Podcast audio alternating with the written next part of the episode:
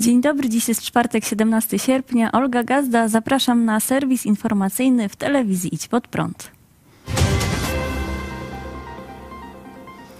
W Sejmie wyzwiska rozstrzygają się losy referendum.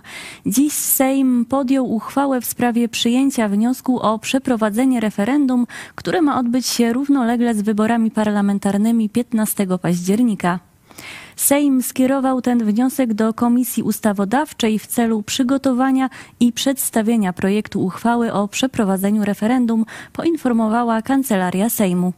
Głosowanie poprzedziła burzliwa debata, podczas której politycy opozycji zarzucali rządzącym oszustwo oraz krytykowali sam pomysł przeprowadzenia referendum.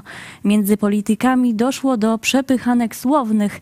Wicemarszałek Sejmu Ryszard Terlecki strofował posła Koalicji Obywatelskiej Jakuba Rutnickiego. Dlaczego drze się pan jak głupi?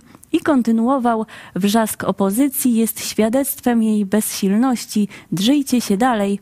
Z kolei posłanka Lewicy Demokratycznej Joanna Senyszyn wniosła o odrzucenie rządowego wniosku o referendum, dodając, a psim obowiązkiem Terleckiego, skoro prowadzi obrady, jest jego przyjęcie bez chamskiego pyskowania.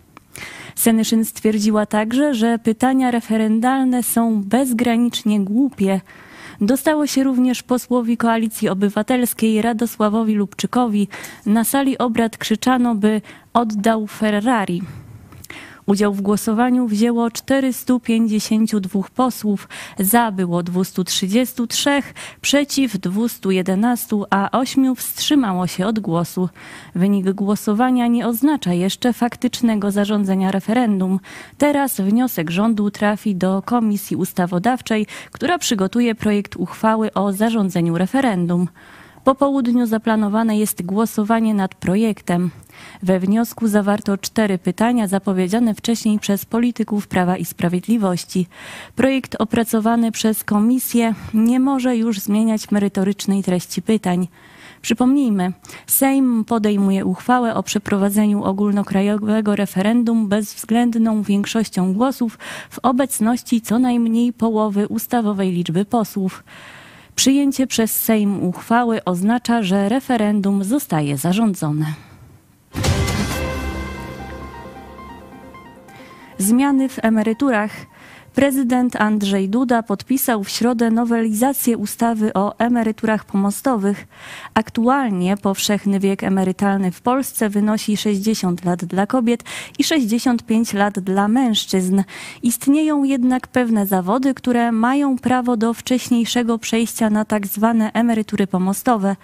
Obecnie świadczenia te przysługują tylko tym osobom, które przed 1 stycznia 1999 roku wykonywały pracę w szczególnych warunkach lub o szczególnym charakterze. Oznacza to, że emerytury pomostowe miały wygasać. Nowelizacja to znosi, pomostówki zostały przedłużone bezterminowo. Praca w szczególnych warunkach związana jest z czynnikami ryzyka, które z wiekiem mogą spowodować trwałe uszkodzenie zdrowia jeszcze przed osiągnięciem wieku emerytalnego. Z kolei prace o szczególnym charakterze to prace wymagające szczególnej odpowiedzialności oraz szczególnej sprawności psychofizycznej, których możliwość należytego wykonywania zmniejsza się przed osiągnięciem wieku emerytalnego na skutek pogorszenia sprawności psychofizycznej związanego z procesem starzenia się.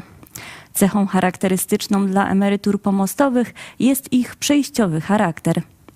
Ministerstwo Rodziny i Polityki Społecznej wskazuje, że stanowią one pomost między świadczeniami nabytymi przed osiągnięciem wieku emerytalnego, a prawem do emerytury przyznawanej na ogólnych zasadach powszechnego systemu ubezpieczeń. Zmiany w emeryturach pomostowych wejdą w życie od 1 stycznia 2024 roku. Ukraina wygra wojnę dzięki dedykowanym pociskom kasetowym?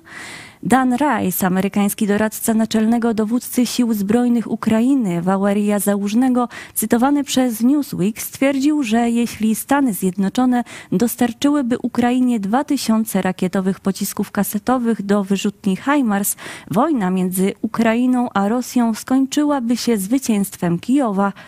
Rice miał duży wpływ na decyzję Stanów Zjednoczonych o przekazaniu Ukrainie amunicji kasetowej. Teraz wojskowy stara się przekonać Biały Dom, że kolejnym krokiem powinno być dostarczenie ukraińskiej armii dedykowanych pocisków do wyrzutni HIMARS. Pociski mogłyby być wystrzeliwane na odległość około 45 km, podczas gdy zwykła amunicja tego rodzaju, którą Ukraina już dysponuje, pozwala na rażenie celów wroga oddalonych o 25 km. Tego rodzaju pociski pozwoliłyby ukraińskiej armii na niszczenie rosyjskich stanowisk artyleryjskich z największą jak dotąd siłą. Siła ognia pocisku zwiększyłaby się wówczas z 88 małych pocisków zwanych subamunicją kasetową do 512 lub nawet 644.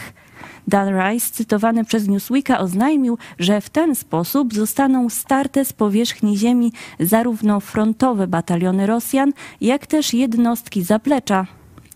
Dziesiątki tysięcy naszych rakiet kasetowych czeka na zniszczenie w niemieckich magazynach.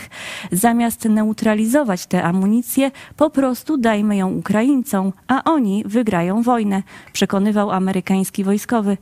8 lipca ukraiński minister obrony Oleksij Reznikow zapewnił, że dostarczona przez Amerykanów amunicja kasetowa będzie wykorzystywana do niszczenia celów wroga tylko na terenie Ukrainy.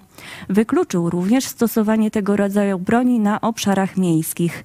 Wyrzutnie HIMARS znacząco zmieniły przebieg wojny, pozwalając Ukraińcom na niszczenie rosyjskich stanowisk dowodzenia, centrów logistycznych oraz składów amunicji.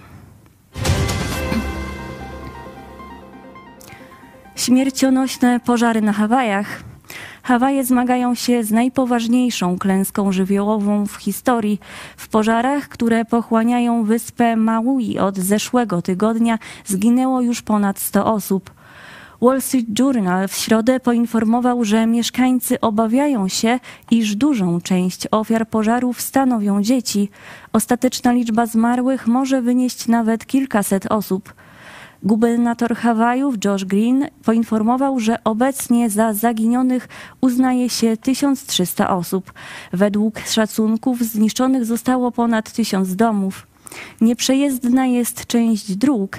Jak donosi Washington Post, źródłem pierwszych zarejestrowanych pożarów na Maui było powalenie linii energetycznych przez drzewa przewrócone w wyniku prognozowanych wcześniej silnych wiatrów.